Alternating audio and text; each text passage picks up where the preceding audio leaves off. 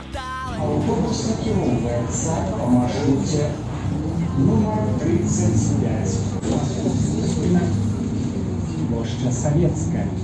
Добрый дзень шаноўныя слухачы гэта падкаст утульны горад а мяне зовут Даша і сёння мы з вами будзем размаўляць як вы думаеце пра што пра супольнасці я запрасіла файную экспертку Наталью зданевич Добрый дзень. Мы хацім тут увогуле высветліць, што ёсць такое супольнасці і на што яны патрэбныя і як яны ўвогуле ствараюцца, ведаеце, я ад усякіх разумных сацыёлагаў часта чую пра тое, што вось дальшае беларускае грамадства, яно такое дарослае, яно адмаўляецца ад нейкіх патэрналісцкіх паттернаў калі намі кіруюць мы самі здольны аб'яднацца і зрабіць усё што нам патрэбна А ці сапраўды гэта так і ў якіх менавіта момантах мы аб'ядноўваемся а у якіх момантах гэта ўсё ж такі яшчэ нам складана можа быць увогуле не патрэбна мы сёння са спадарняй Наталій і будзем абмяркоўваць спадарня Наталья калі ласачка вам слова распавядзіце трошки пра сябе чым вы ўвогуле займаецеся і чаму пра супольнасці я запрасіла менавіта вас поразмаўляць Здравствуйте, мне очень приятно и сразу извиняюсь за русский язык. Я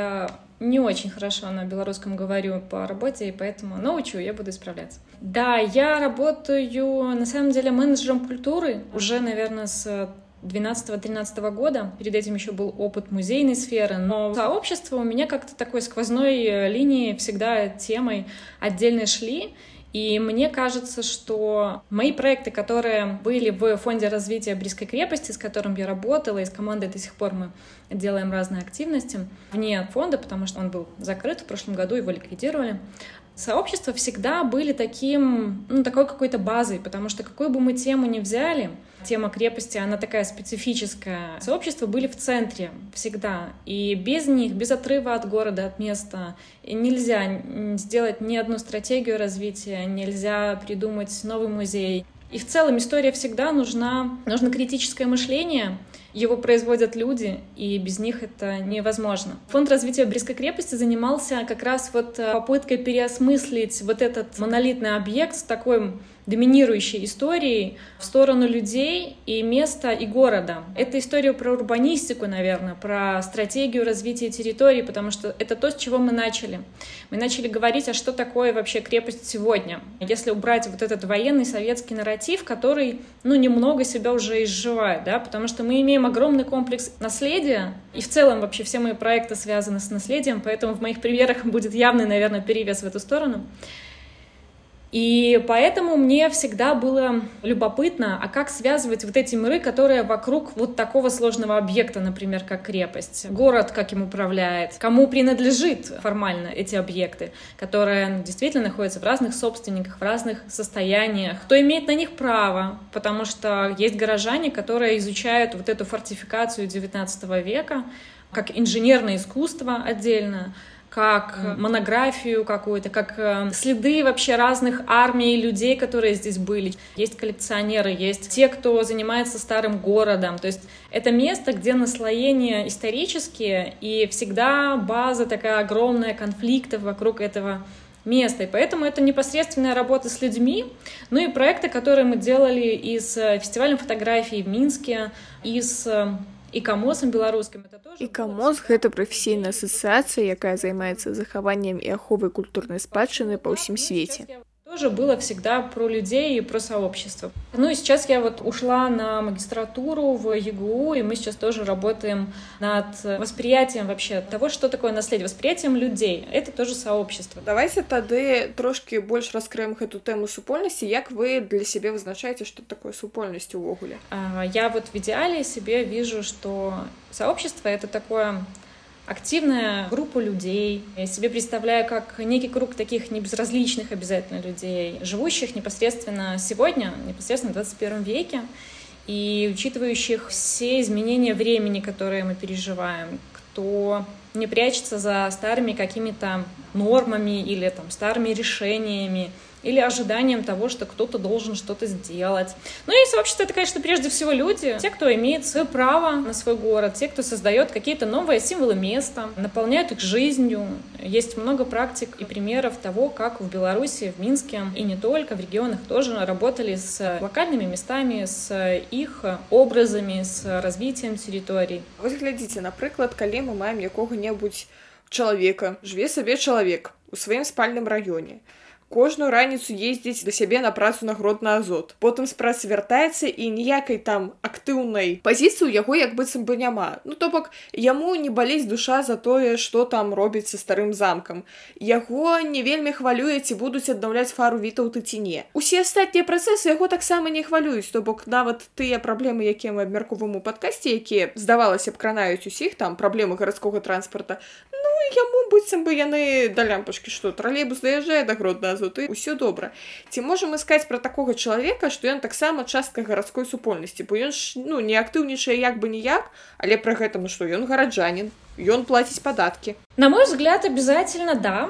потому что в хорошей артели всех пределе этот человек все равно выходит на улицу он является индивидом который садится в транспорт куда-то едет то есть у него есть непосредственный социальный опыт и контакт он является участником социальной жизни. Если, например, в будущем при каких-либо там социальных исследованиях либо антропологических спросить этого товарища про его какой-то опыт жизни в конкретном регионе, он является очень ценным, мне кажется, для меня экспонатом, который может рассказать про совершенно такую бытовую жизнь места, своего маршрута, куда он попадает и прочее.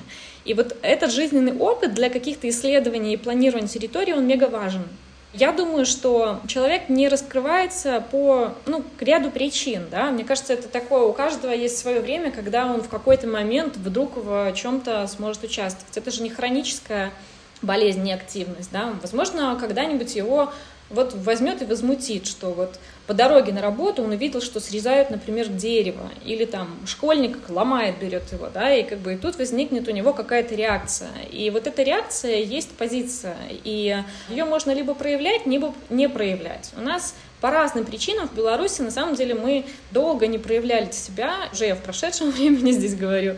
Но это связано с идентичностью, она у нас была сложная, у нас была сложная периоды истории, и если копнуть вот в тему политики памяти, как выстраивалось сообщество, как оно жило в кризисе, как оно жило в череде кризисов, травм, мы не часто понимаем, что имеем право на какие-то изменения, там, не через конфликт, а диалог, что мы сами можем что-то решать маленькими силами, но как-то влиять, да, и тут вот это осознание, оно, наверное, должно происходить в каком-то тандеме с его там соседями, родственниками, коллегами по работе.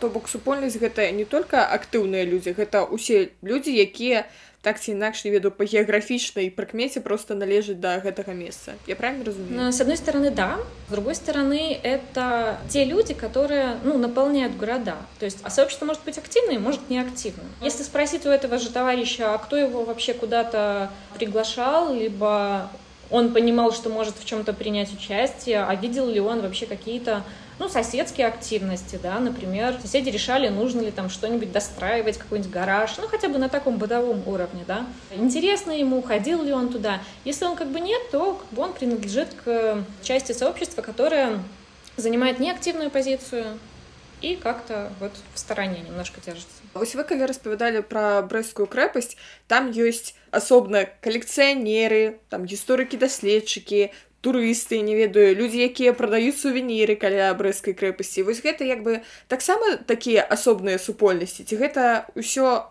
адна вялікая супольнасць яе нельга так драбіць трэба драбіць крепость она такая сложная вообще объект я вот с 12 -го года работаю с крепостью и это всегда была целая череда конфликтов. От людей, которые продают сувениры, вот где-то, о которых вы говорите, от крепости до государственного учреждения, до Министерства культуры, которое непосредственно управляет объектом. И здесь есть какие-то такие непримиримые процессы, которые между собой как-то вот даже вывести на какой-то общий диалог сложно. Потому что если говорить про этот объект, мы работали над стратегия развития территории, это с 2012 года была такая идея, что вот у нас был учредитель брещанин, бизнесмен Владимир Микулик, да, и он э, встретил коллег, менеджеров, ассоциацию менеджеров культуры, которая делала такие большие крупные проекты про будущее. Будущее каких-то социальных проектов, либо наследия. И он говорит, а давайте попробуем поговорить на тему того, а что вообще возможно в крепости. Основная ведь проблема того, что тогда 70% крепости, территории ее разрушалась.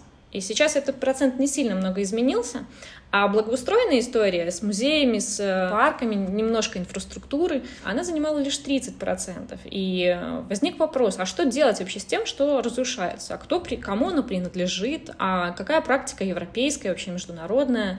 Отсюда возникла целая череда больших дискуссий на там, почти что полтора года. В Брест приезжали классные проектировщики из э, Вены, Дитер Богнер, это музейные маркетологи, это культурологи и историки, и урбанисты.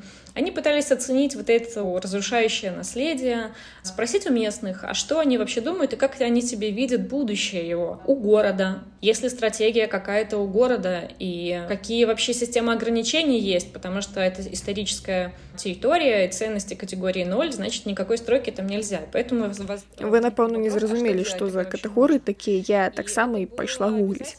Карацей, ёсць у Беларусі кодексы культуры. У кодексе ёсць артыкул нумар 96, які азначае катэгорыі гісторыка-культурных каштоўнасцей. Глядзіце, усе матэрыяльныя гісторыка-культурныя каштоўнасці дзеляцца на катэгорыі. Катэгорыя нумар 0. Гэта тыя, якія маюць сусветную значнасць. Катэгорыя нумар 1 тыя, якія маюць міжнародную значнасць. Катэгорыя нумар два тыя, якія маюць нацыянальную значнасць і катэгорыя нумар тры тыя, якія маюць рэгіянальную значнасць. А без катэгорыі ну значыць уваходзіць нейкі комплекс, ансамбль, комплект ці калекцыю. Вось такія справы. Поэтому возникнул вопрос, а что делать тогда вообще можно? И это было обязательно открытые диалоги на три международных семинара. Туда приглашали всех горожан. Действительно, тогда это была первая, первый срез, когда можно было увидеть, а как себя вот горожане проявляют. И, конечно, это было чаще через конфликт, то есть ревностно вот относятся, но меня это больше как-то умилило, потому что, ну вот если болит, значит нужно, да? Если нужно, то хорошо, а если бы не пришли, было бы совсем плохо. У меня такая всегда была как будто миссия, вот в себе ощущала, что ну нужно хоть отчасти кого-то примирить там, потому что все сообщество, о которых вы спрашиваете, их можно поделить на больше там 10 подгрупп. Всем болит история крепости, однако по-разному кто-то вот инженерным искусством, кто-то старым городом и его следами оставшимися, которых так мало на этом месте в крепости. Кто-то хочет, как студенты, архитекторы, какое-то будущее, новую какую-то среду для художников, потому что кто-то программисты хотели там себе свое видеть. Есть вот эм, круг реконструкторов, которые приезжали тоже и хотели как-то претендовать на эту историю. Ну и, конечно, законодательные органы, которые хотели экономическую выгоду в каких-то прямых, непосредственных, привычных и понятных для них схемах. Это построить парковку, построить музей, гостиницу и прочее.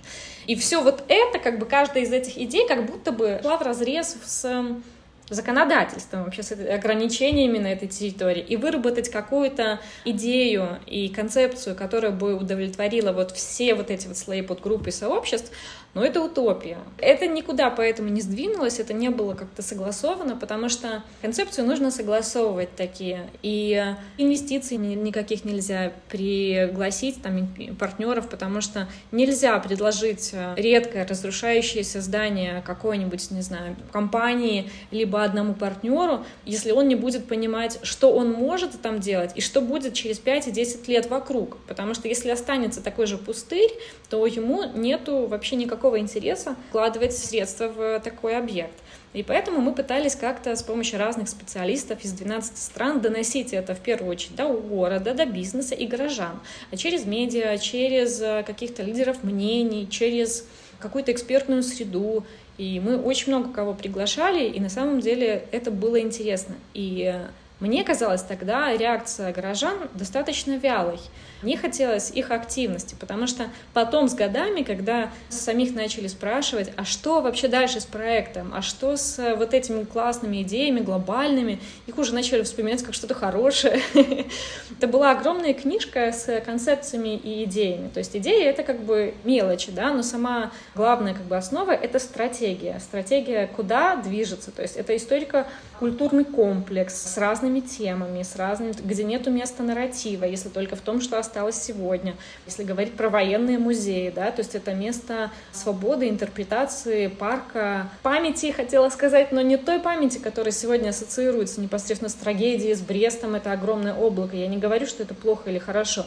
Ну, скорее, наверное, интерпретирую как плохо для себя, потому что, мне кажется, эта тема очень сильно доминирует и искажена, и вот эта история с исторической политикой в Беларуси, она очень мешает нам, на самом деле, понимать город, ощущать его по-другому. И наши проекты в фонде тоже были После того, как концепция не поехала, мы решили перейти к такой стратегии малых дел. А как вообще менять тогда отношение к крепости и городу? То есть крепость это, ну, в принципе, такая история, которая разнесла старый город и построила военный объект. Ну, как бы, с одной стороны, так себе, да, есть те, кто ностальгирует огромное сообщество по старому городу, я в том числе, я это понимаю их. Я не за то, чтобы сносить все, что есть, и как бы строить то, что было когда-то, да.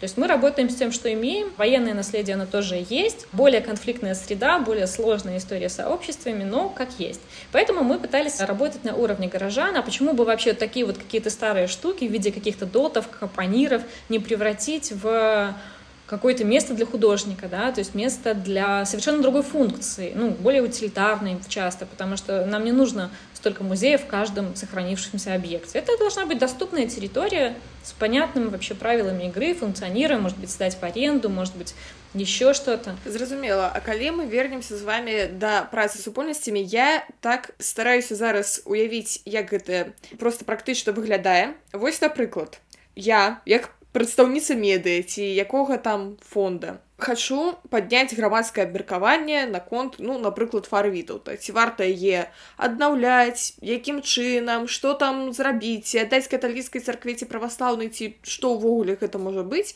І вось я хачу грамадскае абмеркаванне на гэты конт. Як я тэарэтычна маю гэта зрабіць? Што мне патрэбна? Мне трэба арендаваць нейкую залу мне трэба запрасіць каго мне трэба запрасіць якім чынам вось распавядзіце калі ласка пра ваш досвед як вы ўсё ж такі доходили до гэтых прадстаўнікоў гарадской супольнасці Да, нам надо было найти все полярные мнения вокруг этого объекта. И это был отдельный вызов и отдельная задача, она очень интересна. То есть механически оно так и происходит. То есть назначается день, условно говоря, тема, и попытка понять, спросить через специалистов, через сарафанное радио. Ну, мы-то жили в этом городе, мы знаем эти сообщества, да, если говорить про Брест. Понять, кто имеет какой-то вес мнений, какие медиа по-разному могут писать. Отдельные каналы связи — администрация города. Есть активисты, которые как-то могут любить, не любить этот объект. Я бы приглашала всех. Есть медиа, которые могут влиять на или там распространять информацию. Есть э, жители места, вокруг которого, там, если пару видов-то взять, ближайшие какие-то горожане, как они могут это интерпретировать. А, возможно, есть э, какие-нибудь, не знаю, архитекторы-проектировщики, которые вообще ее себе когда-то представляли иначе, да, то есть все как-то заинтересованные, ангажированные. Я бы приглашала всех, так мы делали с крепостью, и э, тогда возникает какой-то такой процесс, чтобы и интересно выстроить процесс на разных уровнях, а понять, а какие примеры есть другие работы с таким наследием, да, а у кого какие были в целом идеи, а как с точки зрения вообще урбанистики это будет вписано в городскую среду, если мы вот каким-то образом вот так изменим, да, а функционально, если оно изменится, да, то есть как это повлияет на вот механизм, не знаю, там, от общественного транспорта до какой-то туристического потока, а как это со стороны, ну, экологии тоже в первую очередь также, наверное, дизайна со стороны вообще каких-то технологий, будет ли это как-то сделано иначе или нет. И поэтому, то есть есть история с конкретно направлениями групп, да, сообществ, то есть кого, с, с кем мы будем говорить, то есть те, кто может иметь какой-то вес мнений, принимать решения обязательно и интерпретировать мнение, если говорить про медиа. Нужно собрать всех в одном месте, наверное, несколько раз, продумать тему по последовательности. Мне кажется, что каждой группе важно будет уделить время, чтобы они друг друга услышали, и выработать какую-то отдельную методику, да, то есть зачем эти подгруппы. В нашем случае в крепости, например, нам было важно, а кто сегодня из молодежи ведет какую-то такую активную социальную жизнь, что это мастерит, художники, от современного искусства до каких-то ремесленников. А что им интересно вообще? То есть помещений там много, а может быть им интересно это все. Какие-то театры свободные. И было интересно поговорить вот даже с ними, потому что это те, кто создает и наполняет город. И поэтому Здесь важно понять, какой диалог выстроить, да, чтобы они не чувствовали себя слушателями, которые поставят перед фактом в конце принятия решения. В том числе, кстати, вот власти надо, вот очень круто надо изучать законодательную базу, потому что очень много было, на самом деле, каких-то механизмов влияния, прям вписанных в законодательную базу, но мы ними никогда не пользовались, потому что мы не знали, опыта такого не было. И, с одной стороны, априори понимаешь, что это такая борьба с ветряными мельницами, а с другой стороны, вот интересно пробовать на прочность. Сейчас, наверное, мы немножко откатились назад, но тогда это было очень интересно наблюдать, потому что такая игра с властью по правилам игры, мне кажется, очень много чего смогли достичь. Нам, например, на восьмой год жизни фонда, нам даже начали предлагать самим партнерскую какую-то историю с музеем. Мы делали в музее, например, вечеринки для горожан, для своего сообщества. Да? Но у фонда действительно было много людей, ну, были, конечно, те, кто не любили в том числе нас, но в целом было очень много людей, которых мы хотели позвать на что-то классное. Мы сделали вот в музее Бересте огромную вечеринку с дизайном света, с проекцией, с анимацией, с диджеями современными. То есть музей такого не видел, они были в шоке, но мы продали за один вечер месячную посещаемость по билетам. После этого нам музей, который никак не хотел вообще позволять такую историю, там выбивала пробки от этого дизайна света, он сказал, что как бы no, но потом, когда это все прошло, и они поняли, что этот опыт рабочий, они могут делать планы, и, в принципе, к ним в музей, к нам многие спросились, даже коллекционеров, что я впервые после школы пришел вообще в этот музей. И мне кажется, вот через такие инструменты, как такие события, меняется интерпретация. А такие события, о которых спросили вы, когда приглашаешь кого-то для конкретной цели, обсудить то, что требует каких-то принятия решений. С одной стороны, я понимаю, что, вас, что я, может быть, про разное говорю, но для меня это такая одна мозаика вообще. Это одна большая система ценностей горожан, которые могут выстраивать их благодаря работе комьюнити-менеджеров потому что они делают э, какую-то стратегию, работают над партиципацией, то есть каждое действие в разных проектах, оно э, про активизацию людей, выработки их эмоций, мнения на тот или иной счет.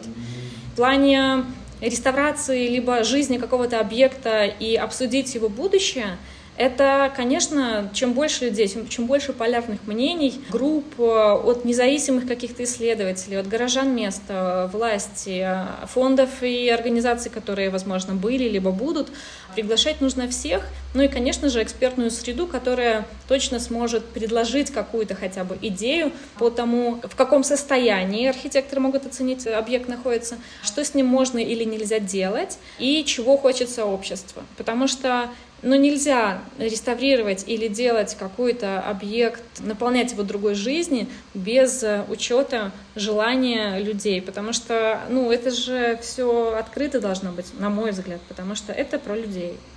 Па-першае, я хочу сказаць гаспадыне на заметку, гаспадыне ў нататкі, калі вы хотите зрабіць нейкі праект звярніцеся да такой арганізацыі як музей тому что ім трэба білеты прадаваць а вам трэба правесці нейкі івент вось і атрымоўваецца что у вас товар у іх купец і можа быть у вас усё і зрасцецца нейкім чынам вось наконт зноў жа арганізацыі гэтай супольнай дыскусіі у мяне ўвогуле зараз з'явілася такая думка что можа быть варта перад тым як увогуле пачынаць гэтую дыалогавую пляцоўку у тых жа сродкаў масавай інфармацыі папрасіць а правесці там апытанку сярод іх чытачоў каб паглядзець увогуле якія будуць лічбы за аднаўленне супраць аднаўлення за музей ці за тэатр у гэтым месцы за царкву ці яшчэ за нешта. І можа быць гэта будзе мець нейкі сэнс як вы увогуле да гэтага пытанак ставіцеся? С одной стороны да важно и для меня скорее задача с другой стороны всегда было таким отдельным вызовом а насколько рабочие вот эти методы опроса да потому что наш опыт показывает что люди раскрываются прям с годами часто мы проводили первый опрос мы опросили более 200 брещан, согласно анкете, про будущее, про ассоциации, стереотипы, про крепость, что это вообще такое, да? И там про будущее было достаточно такие свободные мысли. Но когда ты этих людей потом зовешь на какие-то дискуссии, мнение менялось, появлялась какая-то закрытость. Потом со временем, когда уже поняли, что концепция вот эта, ну, не отозвалась, и она не будет реализована, потому что город выставлял свои условия, как бы нам это противоречило вообще ценностям такой истории, концепции. Но горожане-то раскрывались дальше по-другому, по-разному. Я считаю, что нужно выбирать какие-то тогда методы. Опрос не знаю. Самое, наверное, к нему вообще и исследователи разные относятся немножко скептически, да.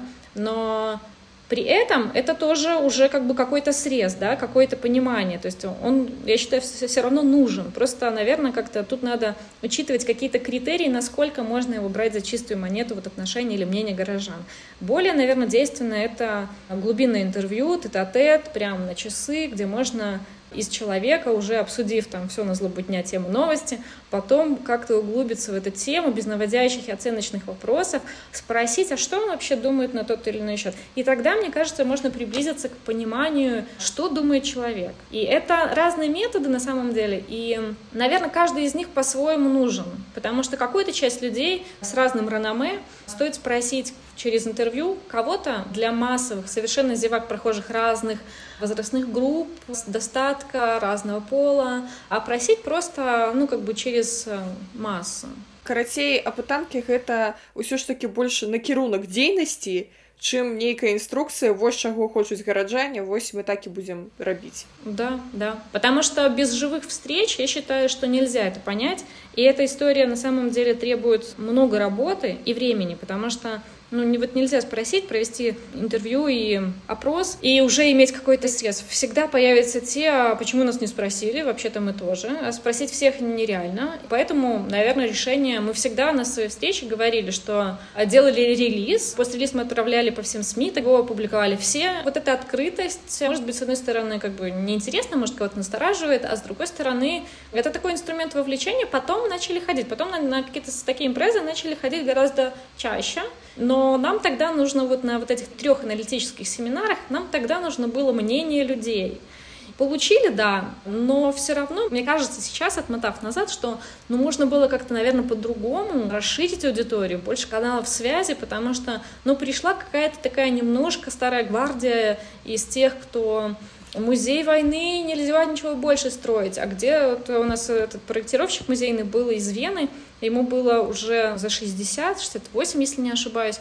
И один журналист крикнул, встав, вообще перебивая его, а где ваш отец был в 41-м? Ну, вот такая у нас была солянка. Но при этом было ряд таких людей, которые наблюдали со стороны, и видно было, что... И задавали какие-то мне вопросы на уточнение, высказывали какие-то скромные мнения, но всегда заметен тот, кто кричит, да.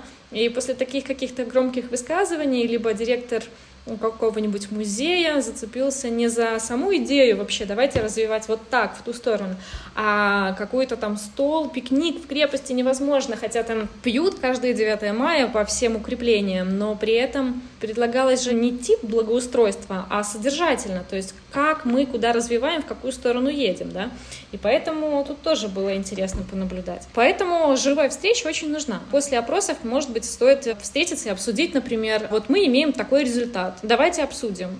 Мне кажется, что это такой другой этап, следующий, когда люди тоже могут подраскрыться, и, может быть, придут другие и что-то дополнят. Глядзіце, якое у мяне яшчэ пытанне ў сувязі з гэтым.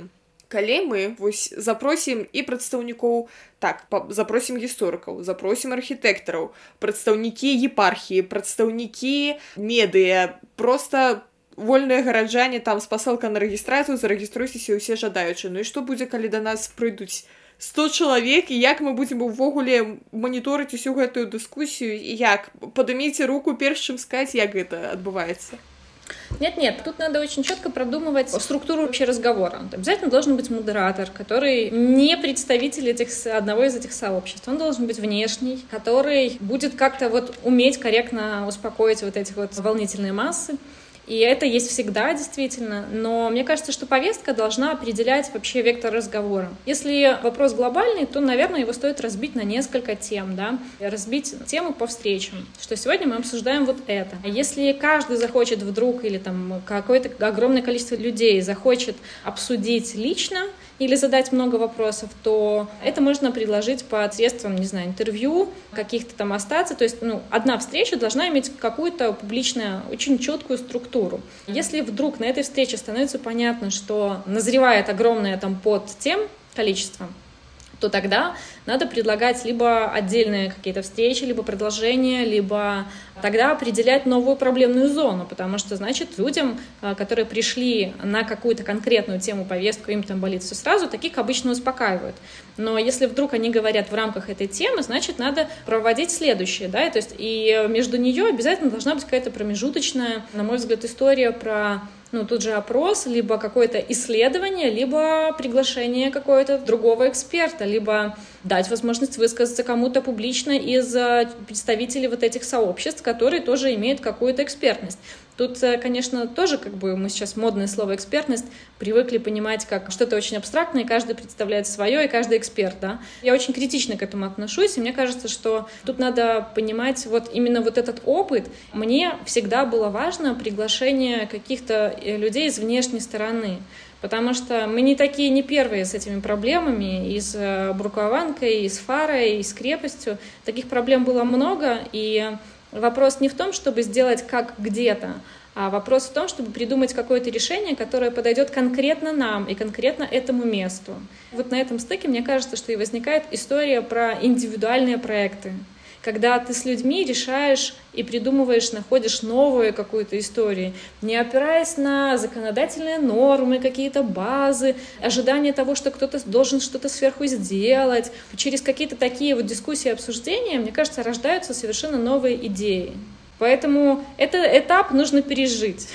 Окей, а што рабіць калі у вас я не ведаю раз'юшаныя гараджане пачынаюць адно аднаму цапляцца ў валасы з крыкам не там будзе праваслаўная царква не там будзе кам'юніці цэнтр что у гэтых выпадках рабіць акрамя як выклікаць хуткую дапамогу это сложно это на самом деле история снова про конфликты о которых мы говорили потому что вот, кстати, Мацкевич, наш э, дорогой Владимир Мацкевич, который в летучем университете, они сделали такую программу целую про разные типы конфликтов с Араханским. И они говорили, что ну, наследие, оно в целом как э, это объект общественного диалога и общественного достояния, и вокруг него всегда разворачивается целая там, череда различных конфликтов.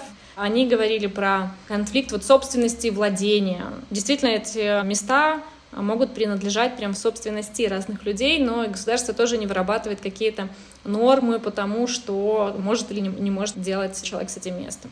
И он не может быть решен сразу так, что есть конфликт интересов, тоже повод вцепиться в волосы, когда действительно кому-то болит старый город, а кому-то хочется нового и какого-то современного. Конфликт ценностей, если говорить про современную историю, ее интерпретацию, там, Второй мировой и все дела.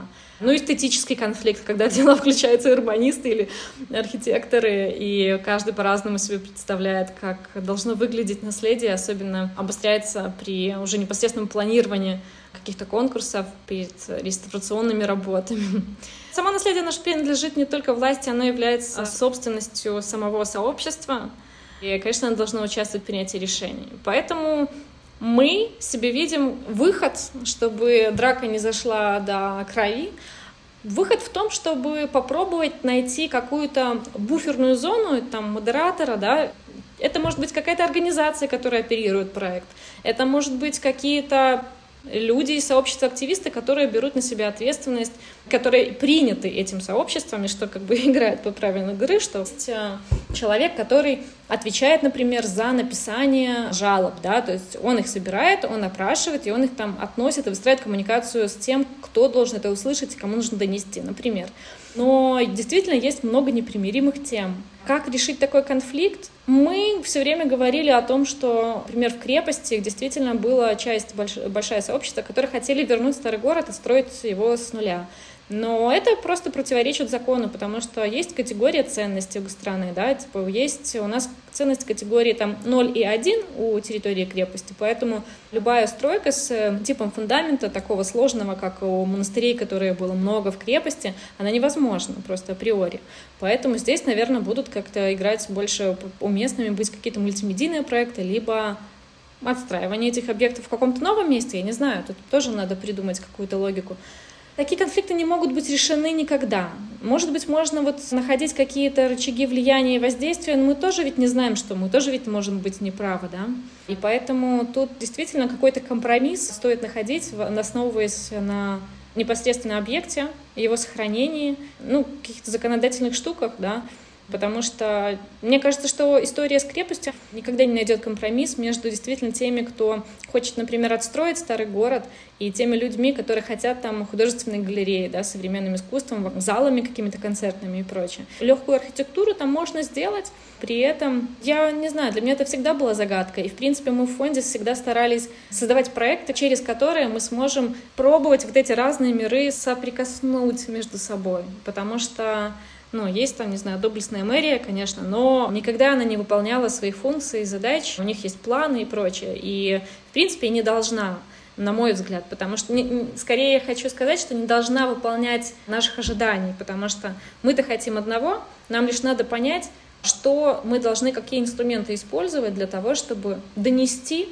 и чтобы это вписалось, наконец, в их планы, да, то есть это немножко такая вот бюрократически часто, когда рутинная работа, но при этом как бы пока это было действенное, но я не знаю, как будет.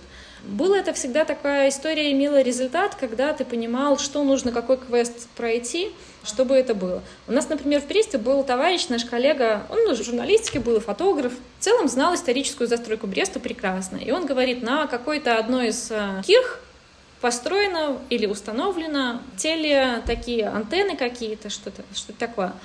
И он говорит, это же здание историко-культурного наследия, там и быть не должно априори. А на крыше там какая-то печатная штука сделала какие-то телевышки, а и МТС тоже там поучаствовал, там все, кто мог, поставили что-то. То есть это такой огромный букет на, на крыше этой кирхи.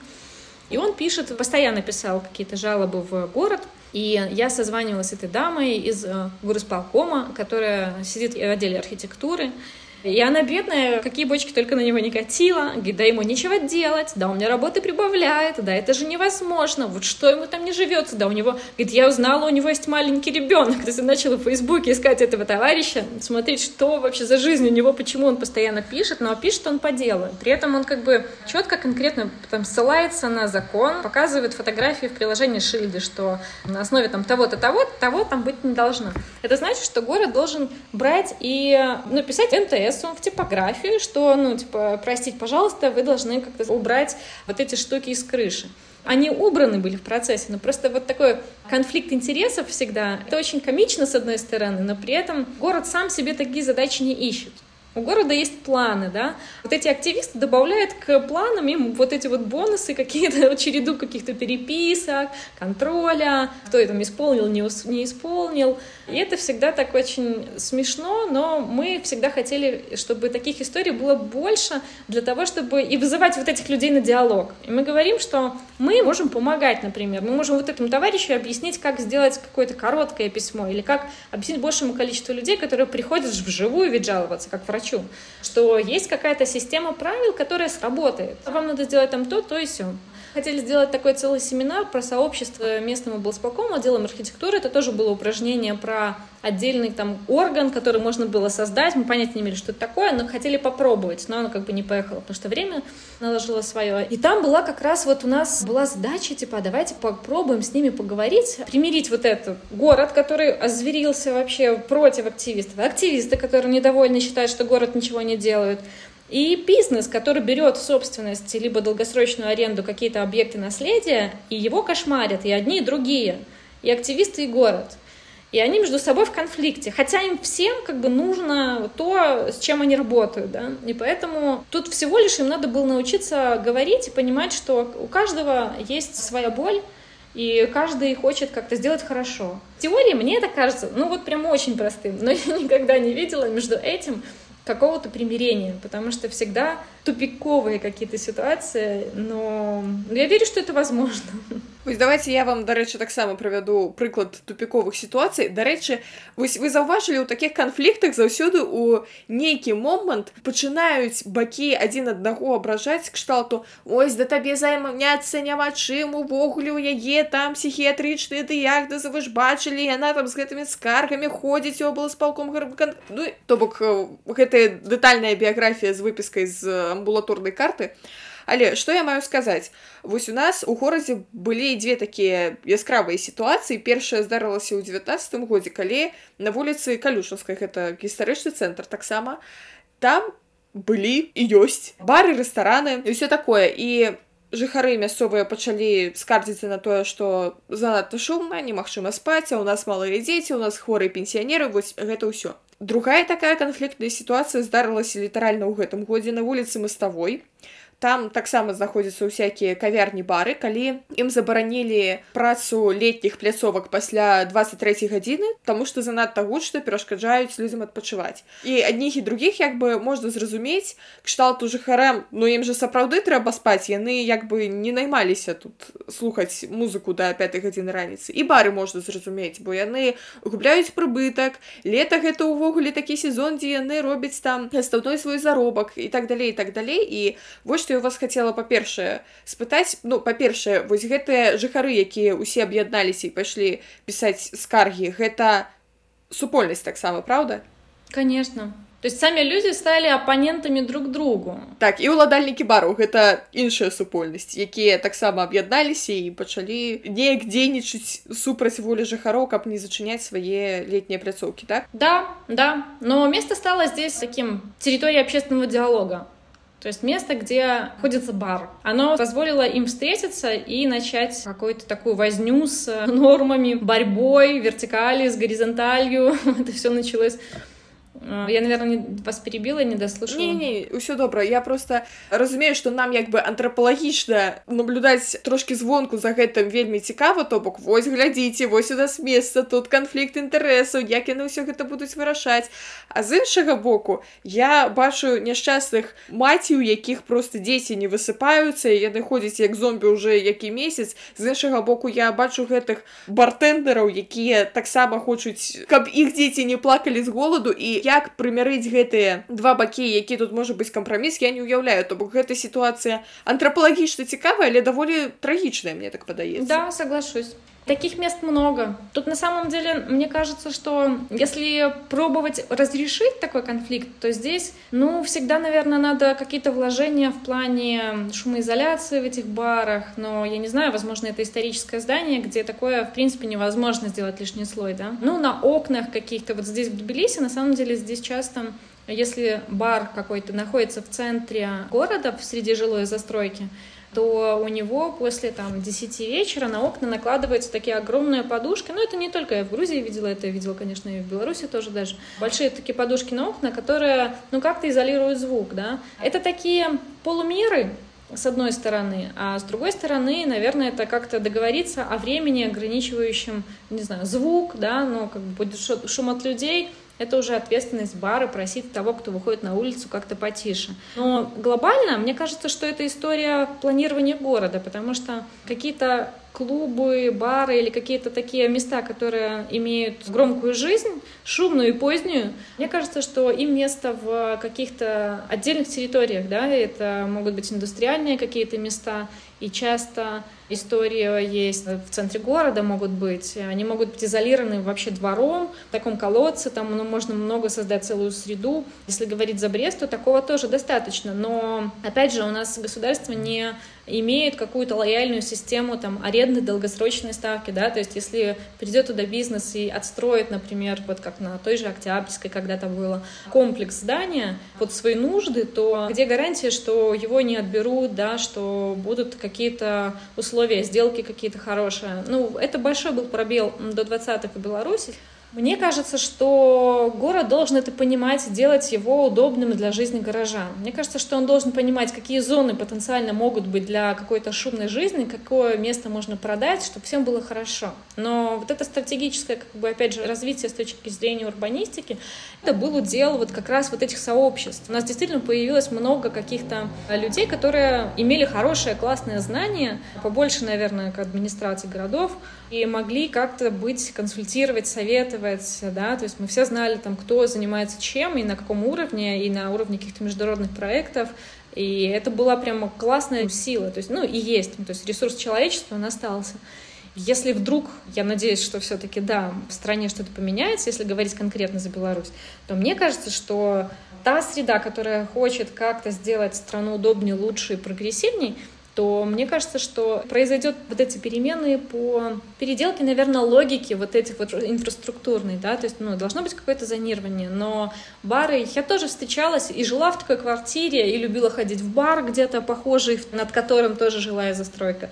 Это компромисс, не знаю, ну, шутки ради, конечно, был такой опыт в Вильнюсе, когда эти собственники бара делали для жильцов дома на выше завтраки по воскресеньям, потому что они шинели пятницу, субботу, делали завтраки, там, в воскресенье у них были отдельные карты. Ну, это такой, как бы, этикет какой-то, да, такой, как бы, маленький реверанс в том, что, типа, блин, мы понимаем, но нам очень нравится это место, мы хотим здесь остаться, и мы понимаем, что приносим какие-то неудобства.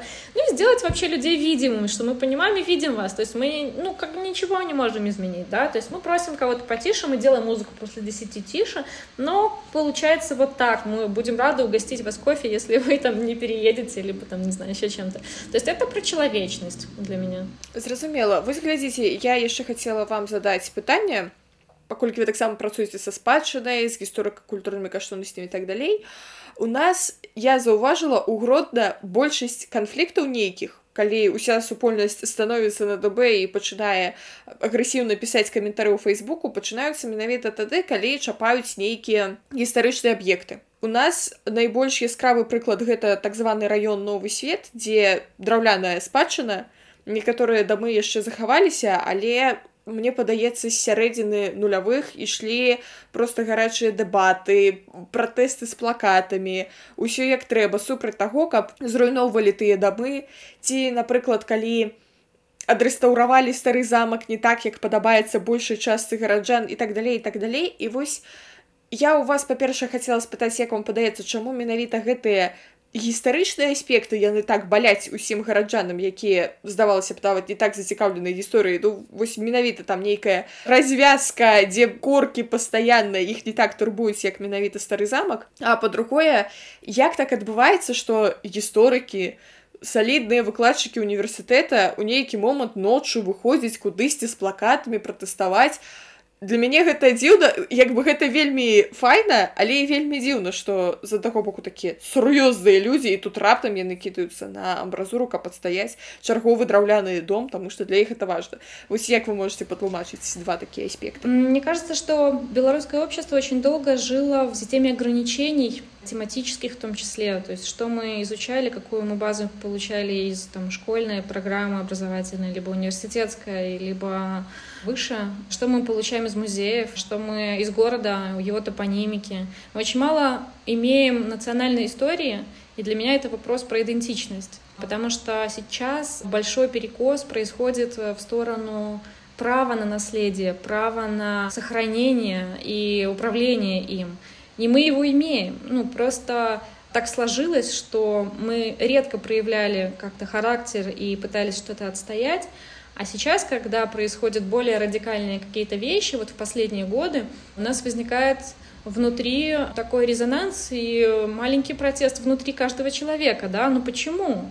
Это же свидетельство вот как раз вот того, чего я сегодня не могу найти в книжках, например, да, ну или там про это очень мало. Мне кажется, по всей Беларуси много таких объектов, вот Брукованку вот эту, которую сейчас перерыли, появилось огромное количество идей, а как ее сохранить вообще? Вот эти вот телеграм-каналы, спадшина, а, куча разных каких-то групп, а, которые обсуждали это, но при этом они понимали механизм действий, что там кто-то написал в Минкульт, кто-то не написал, кто-то пошел, типа, а давайте сделаем то, нет, давайте там по-другому мы это переделаем. То есть как-то пытались повлиять уже на не просто выйти и сказать, я возмущен, я хочу по-другому, а попытаться что-то с этим сделать, то есть прекратить, то есть какая-то последовательность и логика действий для меня была. Мне это очень нравится, что эта Беларусь выработала. Или там сгорел храм, на него начали люди сами жертвовать деньги. И мы действительно сейчас в таком очень большом процессе изменений восприятия наследия как своего. Мы сами его выбираем, потому что мы сами выбираем то, что дорого нам. Это на самом деле соответствует очень многим каким-то таким формальностям европейским. Там конвенция ФАРУ, которая тоже говорит про человека в последних своих корректировках. Она говорит про то, что каждый человек сам выбирает свое наследие, имеет право на его управление и сохранение, что оно бессмысленно само по себе без человека и тех, кому оно нужно.